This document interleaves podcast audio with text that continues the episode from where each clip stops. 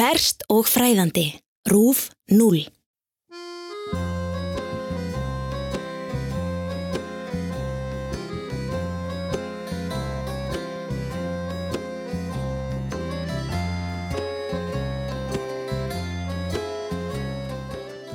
þið hefðuð nokkur grun um leindarmál þessa kastala, hvers eðlis það leindarmál er, þá myndið þið þakka Guði fyrir að það eruð ekki þið sem þurfið að varðveita það.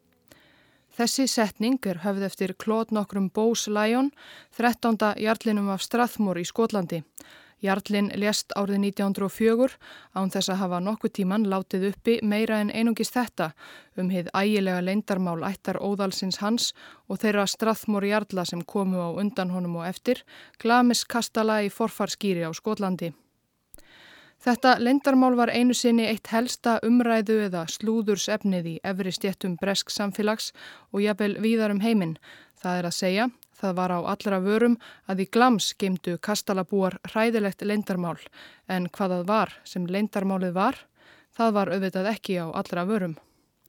Orðrómur gekk auðvitað um hvaða væri sem jarladnir í Strathmór varðveittu sem væri svona hræðilegt og fleiri en einn slíkur orðrómur. Segja má að á ofanverði 19. öld hafi verið pískraðum glamskastala og eigendur hans í hverju hodni. En sama hversu mikið var pískrað, það leiti aldrei neitnað neitni niðurstöðu eða sannleika því enn í dag lifir þessi dularfulla ráðgáta glamskastala góðu lífi og leindarmálið hans er enn á huldu.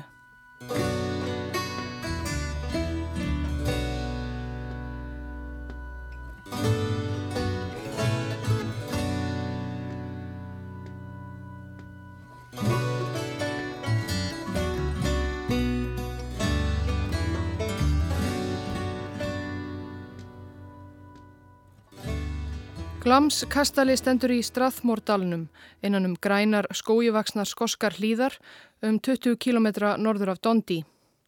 Elsti hluti kastalans er frá 14. öld og veðraðir steinveginnir, sumstaðar alltaf 5 metra þykir, bera merki aldursins.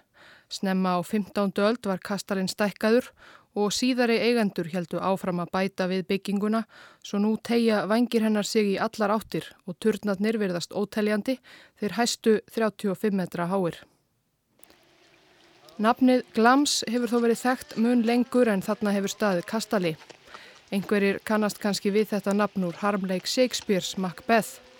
Þar er það sjálf söguhetjan Macbeth sjálfur sem í upphafi leikritsins er þein eða jarl í glams. Það er áður en hann verður konungur alls Skotlands. All hail Macbeth, hail to thee Thane of Glams.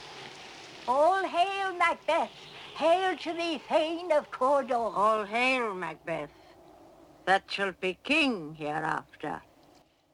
Heill þér Macbeth, jarl af Glams, heill þér Macbeth, jarl af Kavtor, heill þér Macbeth, næsti konungur, garga nornirnar þrjár, þegar Macbeth rekst fyrst á þær í upphafi leikritsins, en hér heyrðum við brotur kvikmynd Roman Polanskis frá 1971. Hinn raunverulegi Macbeth skotakonungur var aldrei jarl af Glams, en það leikritið einungis lauslega byggt á hans personu en einn forveri hans á konungstól, Malcolm Annar, konungur frá 1005 til dauðadags 1034 eða Melkólmur eins og hann er nefndur í íslenskum fordritum, honum bræður fyrir bæði í orkneyingasögu og heimskringlu, sá hafði nokkur kynni af glams. Þar átti hann veiðiskála og þar var hann líklegast myrtur af einhverjum af ótal óvinnum sínum eftir að hafa árum saman eldað grátt silfur við aðra konunga í landi skota sem og eigin ættingja. En eins og fyrr segir er elsti hluti Kastalan sem nú stendur í glams frá 14. öld og allan þann tíma síðan þá hefur Kastalin tilhert sömu fjölskyldunni. Konungur Skotlands á ofanveðri 14. öld, Robert Annar, gaf landaregnina glams tengdasinni sínum Sir John Lyon Afkomendur hans tóku síðar upp nafnbótina Jarlaf Strathmór eftir dalnum þar sem kastalinn stendur. Fjölskyldan hefur heitið Bós Lion síðan á átjándu öld þegar einn ættarlaukurinn gifti sig inn í vellauðuga enska kaupmannsfjölskyldu Bós. Glams kastali er einn af tilkomumestu kostulum Breitlands. Þeir eru jú fjölmarkir í þessu kastalalandi en hann er einnig þekktur fyrir annað, rimleika. Áhuga mennum slík fræði vilja jáfnvel meina að glams sé sá kastali í gerföllu Breitlandi þar sem flestir draugar, afturgöngur og aðrar skuggaverur eru á kreiki. Þar kuðu vera svo ótal margt misjamt að varla er hægt að telja upp alla þá óvætti í svo stuttum þætti sem þessum. Sagt er að í kapellu Kastalands hafist við gráa konan svo nefnda, draugur Janet Nokkrar Douglas sem bar titilinn Lafði af glams og bjó í Kastalanum með eiginmanni sínum, einum lávarðinum, í byrjun 16. aldar. Hún var brend á báli í Edinborg árið 1537, sökuðum galdur, sakir sem hún var nær vafalust saklaus af og hefur hún því gengið aftur í Kastala sínum æg síðan. Um landaregnina reykar vist konan okkur afskræmt í framann. Engin veit hver hún er eða var og hvaða harma hún gæti átt að hefna. Og í hýbílum þjónustufólksins gengur aftur ungur blökkudrengur, þræll sem sætti yllri meðferð frá vinnveitendum sínum forðum. Og í einu herbergi Kastalans heyrist vist stöðugt glamur í teningum og spilapenningum. Þar er Jarl nokkur sem var gestur í Kastalanum eina nótt einhver tíman á 15. öld, dæmdur til að spila fjárhættu spil við djöfulinn sjálfan til domstags. Eftir að hann neytaði að leggja niður spilin þegar klukkan sló 12 á miðnætti kvildardagsins.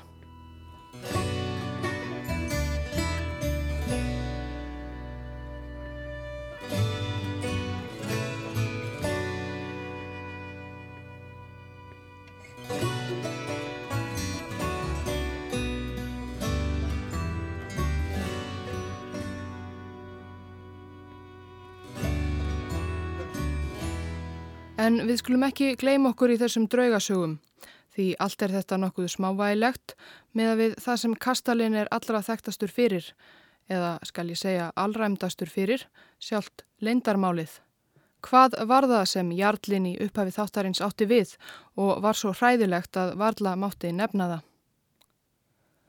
Á ofanverðri átjándöld voru eigendur kastalans löngu hættir að búa þar dagstaglega Það er ekki sérlega visslegt í þessum gömlu kastulum og margar aðalsfjölskyldur völdu að flytja sig um set, eitthvert þar sem var betra loft, minni dragsúur og kannski líka færri draugar á kreiki. Starsmenn ættarinnar sjáu um glamskastala og landaregnina á meðan. Í viðfemum húsakinnum kastalans, sem þá stóðu að mestu auð, gatt förufólk fengið að gista. Einn slíkur næturgestur var skaldið Volter Scott sem gisti í Kastalanum nótt eina árið 1790. Síðar skrifaði hann um nótt sína í Kastalanum. Honum verðist ekki hafa verið alveg um sel á þessum stað. Ég var bara 19 eða 20 ára gamal þegar svo vildi til að ég eitti nóttinni í þessu mikilfenglega gamla kastala. Það er margt í þetta æfa forna gamla virki og hefðirna sem því tengjast sem hvetur ímyndunaraflið. Gríðarlega þykir vekkirnir bera vittnisspurðum háan aldur byggingarinnar sem og óregluleg skipan gisti aðstöðunar innan dýra kastalans. Mér var fyllt í vistarverur mínar í fjarlægu horni byggingarinnar og ég verða viðukenna að þegar ég heyrði hurð eftir hurð lokast eftir að umsjónamadurinn var farin fannst mér ég vera komin of langt frá þeim lifandi og aðeins of nálagt þeim döðu. Og skott minnist þarna einnig á ættar leindarmálið. Í kastalanum er einnig skringilegur minnisvarði fyrri tíma. Leiniherbergi sem samkvæmt lögum eða hefðum fjölskyldunar einungis þrýr meg að vita hvar engangur þess er hverju sinni. Það er að segja Jarlinn af Strathmór, erfingi hans og einhver þriðji maður sem þeir treysta fyrir leindarmálinu sínu. Leiniherbergi, það er sannlega dularfullt. En hvað geti leinst þar inni í leiniherberginu? Vartla er það tomt. En innihald herbergisins fylgir ekki sögunni, skott minnist alltjent ekki á það. En nokkrum áratugum eftir að skott skrifaði þetta, í byrjun 19. aldar, voru sannarlega komnar fleiri sögur á kreik. Að það væri ekki bara leini herbergið í Kastalanum sem væri ættar leindarmál Jarlana í Strathmór, heldur vissulega það sem leindist þar inni, eða öllu heldur, sá sem leindist þar inni. Því drungaleg sagan sem gekk manna á milli hljóðaði svo að inni í leiniherberginu, djúft í yðurum Kastalans, sæti inni lokuð mannvera, fangi sem aldrei fengi að sjá dagsins ljós. Margir nætur gestir í kastalanum sögðust á þessum tíma sjá skringilegum skuggum bregða fyrir í ákveðnum hluta kjallarans. Voru það enn fleiri draugar en þeir sem taldir voru upp hér áðan. Sagan segir einnig að einu sinni hafi vinnumadur við kastalan rampað á dyr sem hann kannast ekki við. Dyrnar leitu inn í langan dimman gang. Hann hætti sér inn fyrir og sá þá eitthvað torkennilegt á hreyfingu við enda gangsins. Þegar hann sagði yfirmanni sínum um sjónamanni Kastalans frá þessari sín var þinn síðarnemdi ókvæða við og kvatti vinnumannin til að nefna þetta aldrei aftur upphátt og helst segja upp störfum og flytja burt eins langt og hann kæmist, helst til Ástralíu og yfirmaðurinn böðst til að borga fyrir hann farmiðan alla leið þangað á hinnenda heimsins. Hvað var það sem vinnumadurinn hafi komið auga á sem átti alls ekki sjást. Það sem pískrað var um hjá efri stjættunum í Evrópu var að þessi fangi væri hinn réttmæti erfingi Bós Læjón fjölskyldunar en foreldrar hans hefðu lengt fæðingu hans og tilvist og fjölskyldan heldi honum enn föngnum í leini herbergi Kastalans. Telja sumir að fangin hafi verið sonur 11. jálsins af Strathmore, Thomas Lyon Bose, eða þá elsti sonur sonar hans sem einnig hétt Thomas Lyon Bose. Það gætti ekki sérstakrar hugmynda auðki í nafnagiftum þessarar fjölskyldu ekki fremur en öðrum breskum aðalsættum. En Thomas þessi yngri lest rúmlega þrítugur áður húnum gafst tækifæri á að taka við jálstegninni. Í skosku aðalsmannatali segir að hann hafi eignast són með einkonu sinni, Charlotte Grimstedt, þann 21. oktober árið 1821. Sónurinn hafi svo látist samdægurs. En hvað ef það er ekki rétt, spyrja sumir. Hvað ef drengurinn dó ekki við fæðingu, heldur livði falinn einhver staðar inn í kastalanum. Og hvers vegna?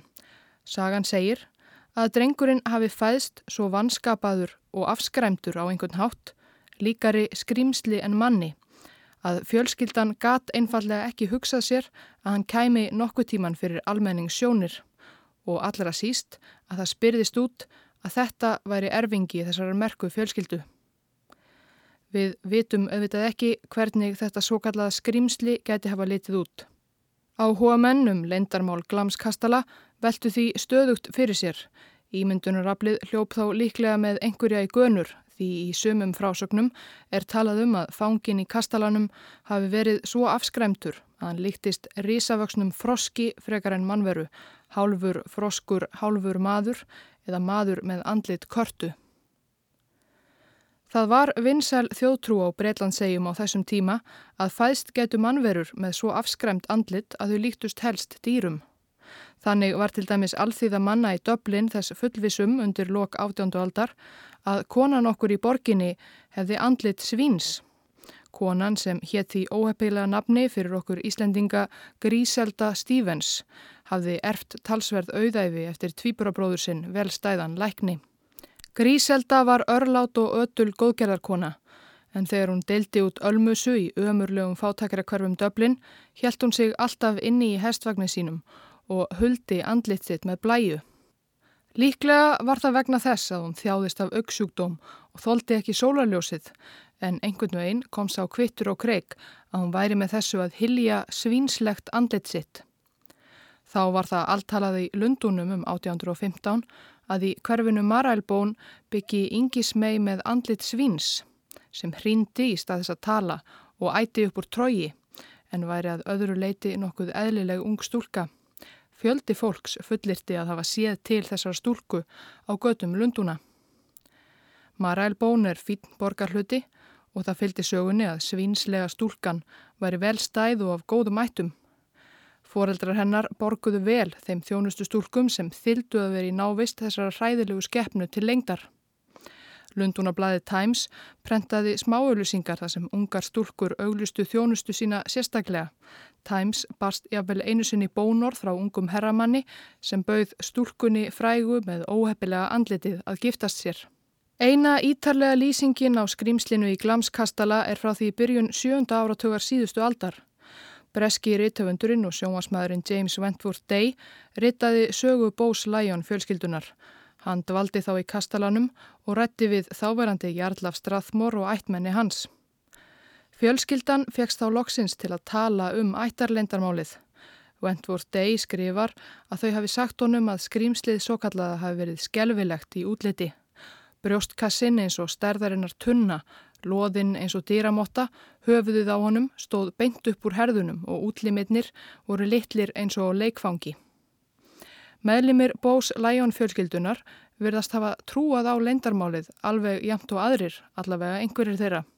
Breski aðalsmaðurinn og diplomatinn Sir Horace Rumbold var kunningi fjölskyldunar og oft gestkomandi í glams á ofanverði 1912. Hann skrifaði í endurminningar sínar að fáir hafi haft jafn mikinn áhuga á lindarmálinu og eiginkonur þeirra Strathmór Jarla, Jarls frúrnar, því þær fengu ekkert að vita. Eigin menn þeirra og sínir fengu einir að vita hefðu óurlega lindarmál fjölskyldunar. Rambold skrifar að einu sinni árið 1850 hafa hann verið í glamskastala þegar Jarlinn, sá tólti, var í burtu.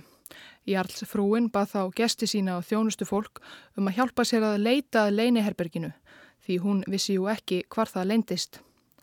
Það er hægara sagt en gert að finna leiniherbergi í kastala eins og glams þar sem eru ótal þröngir gangar sem verðast hlikjast í allar áttir. Jarls frúin var handvissum að það hlíti að vera gluggi á leiniherbygginu. Leitarflokkurinn bráð því á það ráð að opna alla glugga sem þau sæju og hengja út um þá hvita vasaklúta. Þegar því starfi væri öruglega lokið, gætu þau svo komið auga á að utan þann glugga sem enn var lokaður og þar hliti leiniherbergið að vera. En þau fundu aldrei herbergið þrátt fyrir þessa góðu hugmynd því Jarlinn kom óvend snemma heim og sá hvita vasaklútana blakta út um glukka kastalans.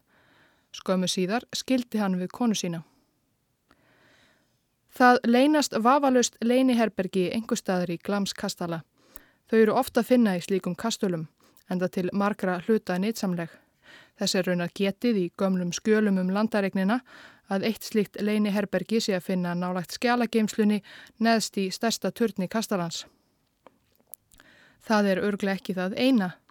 Fleiri en einn gestur í glams hefur minnst á það í ferðasögum sínum að það var rekist á undarlega hlera í gólfinu, falda undir gólfteppunum sem ef til vill leittu inn í langa dimma ganga.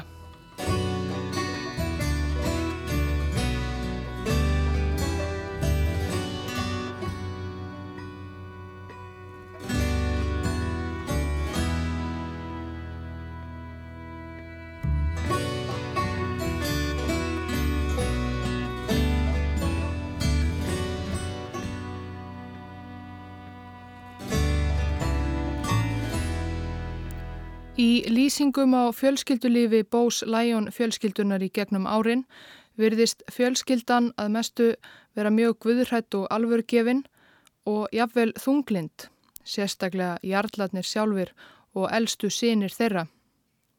Kanski voru þeir svona þjakaðir af því að þurfa að varðveita þetta hræðilega leindarmál eða einfallega þjakaðir af mannvonskunni sem auðvitað þurfti til að halda nánum ættingja fengnum í steinklefa heila mannsæfi. Sankvæmt frásögn fjölskyldu vinarins Horace Rumbold streyttist 13. jarlinn Claude Bose Lyon mikið á móti þegar hann var 21 ás og röðin var komin að honum að taka við leindarmálinu. Hann hafi séð hvernig leindarmálið leik föður sinn og vildi ekki fara sömu leið. En að lokum hafði hann vist ekki um annað að velja. Setningin í upphafi þáttarins Ef þið hefðuð nokkur grun um leindarmál þessa kastala þá myndið þið þakka Guði fyrir að það eruð ekki þið sem þurfið að varðveita það. Hún er höfð eftir 13. jarlinum. Hann bannaði líka konu sinni og börnum að spyrja hann út í ættarleindarmálið eða bara að minnast á það. Og líklega hefur hann gert elsta síni sínum þann greiða að greina honum ekki frá leindarmálinu því það er talið hafa dáið með 13. jarlinum þegar hann fjall frá árið 1904. Kanski var það þó bara vegna þess að það var ekkert leindarmál lengur að varðveita. Fangin gæti jú tæpast lifaðað eilífu. Þegar nálgæðist aldamóti 1900 fór kliðurinn um leindarmálið að hljóðna. Árið 1882 skrifaði New York Times Því leindardómurinn hafði líka vakið aðtikli handan allandsála. Ráðgátan um Glamis kastala er nú að hluta til leist. Í leiniherberginu var geimt einhver mannvera sem dó fyrir einnið að tveimur vikum síðan í hári elli.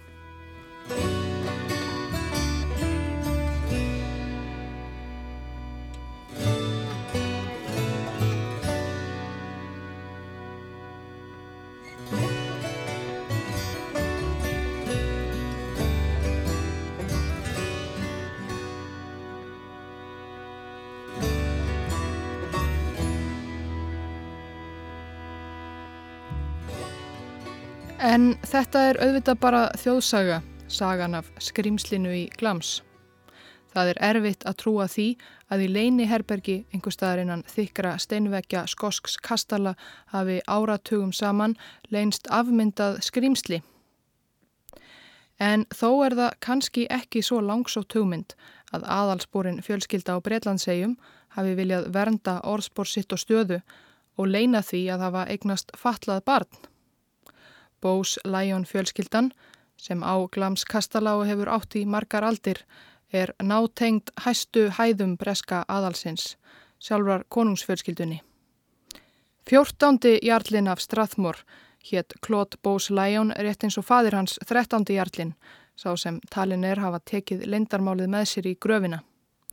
Fjórtándi jarlin átti fjölda barna sem öll fættust á ættar óðalinu í Glams. Þar á meðal var dóttirinn Elisabeth Angela Margret Bose Lyon. Hún varð síðar, þegar hún óks úr grasi, eiginkona Georgs sjötta englandskonungs og var á heillangri æfisinni lengst af þekkt sem Elisabeth drottningarmóðir, því hún var jú móðir Elisabethar englandsdrottningar. Annað barn 14. jarðsins eftir lætis bróðir drottningarmóðurinnar hétt John Bose Lyon. Hann barðist í fyrri heimsturjöld og vann svo fyrir sig sem verbreyfasali í Lundunum. Hann átti fimm börn með konu sinni, allt stúlkur, Patricio, Ann, Díönu, Nerisu og Katrin. Samkvæmt helsta aðalsmannatalinu breska, fjölmörg slík eru gefin út en fá þykja jafn fín og merkilegu Burks Pirates sem hefur haldið utanum ættartölur breska aðalsins og annara merkilegra fjölskylda frá því byrjun 19. aldar. Samkvæmt þessu riti útgáfu ársins 1963 voru tvær dætur Johns Bose Lyon þá látnar. Það er Catherine, fætt 1926 og Nerissa, fætt 1919. En það var alls ekki rétt. Catherine og Nerissa voru báðar á lífi árið 1963 og mörg mörg ár þar á eftir. En fáir í fjölskyldunni höfðu séð þessar náfrængur englandstrotningar svo árum skipti. Ástæða þess var að Katrin og Nerissa voru báðar að einhver leiti þróskaskertar. Það þótti líklega ekki sérlega heppilegt fyrir fjölskyldu eins og Bás Læjón fjölskylduna, sérstaklega þegar sjálf Englandsdrottning var komin í fjölskylduna. Sistrunum var því fljótlega eftir að föllun þeirra kom í ljós komið fyrir á stopnun. Fyrstu stopnuninni sem tókað sér þróskaskerta í Breitlandi, Royal Earlswood Asylum for Idiots, eða Earlswood vittlesingahælið eins og það hétt þá í Sörrei á suðaustur Englandi. Þar byggu sýsturnar til dauðadags. Báðar lifðu þær fram í háa elli, lang lífar líkt og frængur sínar, trotningar móðurinn og trotningin. Heimildamind sem sínd var á sjónastöðinni Channel 4 árið 2011 vakti aðtökli á hlutskipti sýstrana. Það fór líklega ekkert sérstaklega ítla um þær á Earlswood hælinu Það var ekki sérstaklega gladlegur staður en bauð líklega upp á skári umönnun fyrir fólk eins og Katrin og Nerissu en jafnan var í bóði í Breitlandi á þessum tíma. En alla þá ára tögi sem Katrin og Nerissa byggu á hælinu fengu þær örsjaldan heimsóknir. Ekki eitt einasta skildmenni þeirra heimsóttu þær. Þess má kannski geta að frænka þeirra drotningarmóðurinn var lengi vel helsti verndari Menkapp, samtaka sem berjast fyrir réttindum þroska skertra breyta og dóttir hennar tók síðar við því kepli og eftir henni. En aldrei fengu þær sýstur heimsókn, nýja svo mikið sem postkort á tillitugum frá ættmennum sínum. Í heimildarmyndinni eru við tölvið starfsmenn hælisins þar sem sýsturnar byggu. Þær voru mikið fatlaðar og hafðu litla samskiptagetu aldrei lært að tala. Það er vissu engu að síður meira en marga grunaði og mundu eftir barnæsku sinni innan um aðalinn áður en þeim var komið fyrir á hælinu. Það er gáðu það til kynna þegar gamlar myndir af konungsfjölskyldunni byrtust á sjónvaskjánum að þarna væru einhverjir sem þær þekktu og svo negðu þær sig eftir kunstarinnar reglum. Nerissa Bós Læjón lesta áriði 1986.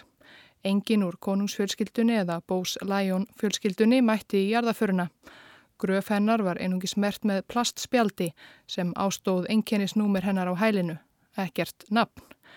Alminnilegur leggsteinn var ekki settur á gröf hennar fyrir en ári síðar þegar breska pressan hafði uppgötað þessa sorglegu staðrind og vakið á henni aðtegli. Catherine Bose Lyon lesti í byrjun árs 2014, 88 árað aldri og fekk sómasamlegan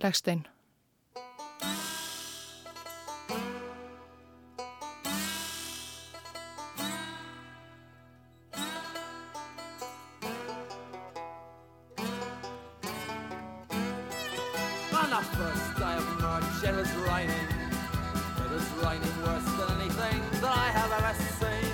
I drank ten pints of beer and I cursed all the people there. I wished that all this rain would stop falling down on me. And it's lent me ten pounds, I'll buy you a drink. And matter wake me early in the morning. At the time I was working for a landlord. And he was the meanest bastard that you had. He was a miserable bollocks and a bitch's bastard's oh, whore. And it's lent me ten pounds, oh boy, you a drink. And mother wake me early in the morning. I recall the we took care of him one Sunday. We got him out the back and we broke his fucking balls. And maybe that was dreaming and maybe that was real. But all I know's I left the place with a penny or fuck all. And it's lent me ten pounds, oh, I'll buy you a drink. And mother wake me early in the